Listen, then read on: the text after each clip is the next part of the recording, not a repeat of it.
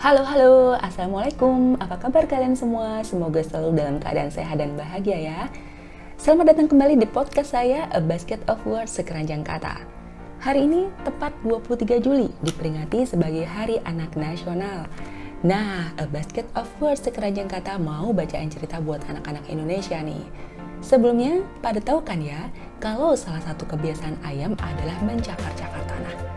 Kira-kira kenapa ya? Ada kisah apa di balik kebiasaan mencakar-cakar tanah itu? Yuk, sekarang dengerin salah satu fabel yang menceritakan tentang asal mula ayam suka mencakar tanah. Kita dengerin sama-sama ya. Jarum emas pusaka. Asal mula ayam suka mencakar-cakar tanah. Tersebutlah Jiga, si ayam jantan muda yang perkasa ia adalah sahabat karib Hila, si burung elang yang gagah. Persahabatan mereka terjalin sejak kecil. Keduanya saling menjaga dan saling menolong. Di mana ada Jiga, di situlah Hila berada.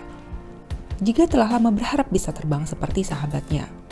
Ia ingin menikmati indahnya alam dari ketinggian. Dan juga berharap ia bisa menghindar saat musuh mengancam. Pada suatu hari, Jiga mencari makanan di sisi hutan dari balik belukar, kerut seekor harimau belang mengawasi gerak-geriknya. Saat juga lengah, kerut bermaksud menerkamnya. Jangan salah gunakan kekuatanmu, kerut. Kau harus melindungi yang lemah. Tidak selayaknya kau memaksa kami. Ujar Jiga menasehati. Kerut tak peduli. Ia berhasrat menjadikan Jiga sebagai santapan. Jiga pun seketika berlari. Kerut terus mengejarnya jika menyesali keadaannya. Jika saja bisa terbang, tentu ia bisa menghindari kerut dengan mudah. Ketika keadaan semakin gawat, Hila datang menolong. Ia menyambar dan mematuk harimau. Akhirnya kerut kembali ke dalam hutan. Untunglah kamu cepat datang sahabatku. Kalau tidak, kalau tidak ada kamu, tubuhku sudah habis dimaksa kerut.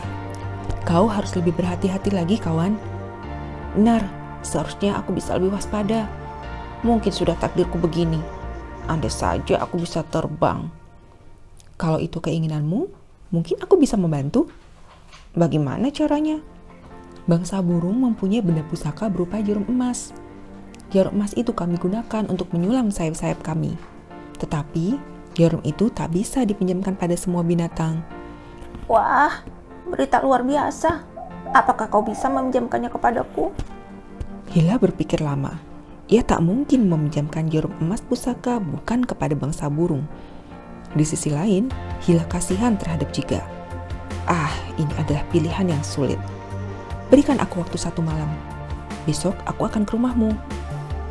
Keesokan harinya, Hila pun menepati janji. Ia langsung duduk menghadap Jiga. Gunakanlah jarum ini dengan bijak.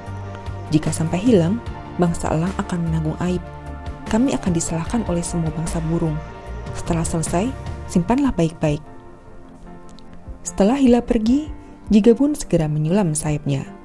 Ia tak sabar ingin segera terbang seperti elang.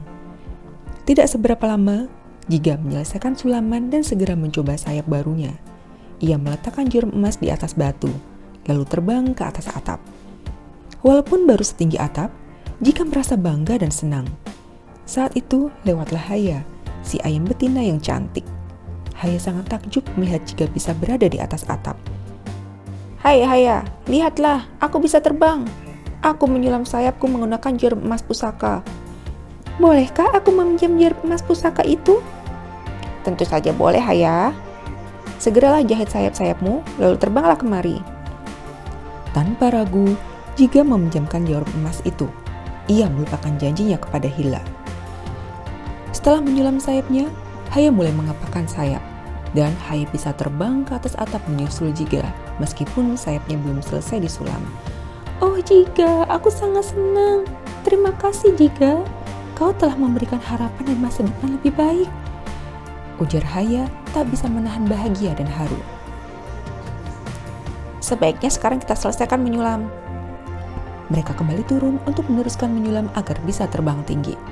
Namun, jarum emas itu telah hilang kibasan sayap Haya mengempaskan benda itu ke sela-sela bebatuan. Mereka mengorek dan menyingkap semua semak. Namun, jarum itu tidak juga ditemukan. Sementara hari semakin senja.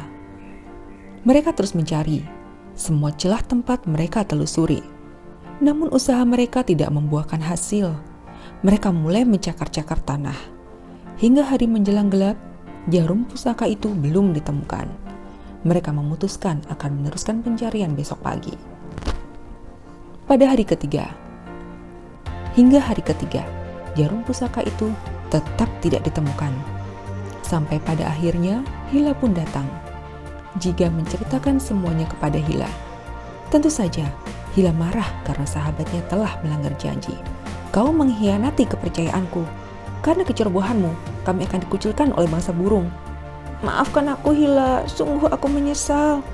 Aku tak mau tahu jika kau harus bertanggung jawab. Sebelum kau menemukan jarum emas pusaka itu, keturunanmu tidak akan aman dari ancaman bangsa kami. Carilah jarum itu sampai ketemu jika Hila meninggalkan sahabatnya. Hila meninggalkan sahabatnya. Haya dan Jiga dibantu teman-temannya meneruskan pencarian. Bangsa Elang terus mengawasi. Hingga sekarang, Elang selalu menyambar anak ayam. Itu adalah peringatan agar mereka tidak berhenti mencari. Sementara itu, ayam-ayam dewasa selalu mencakar-cakar tanah.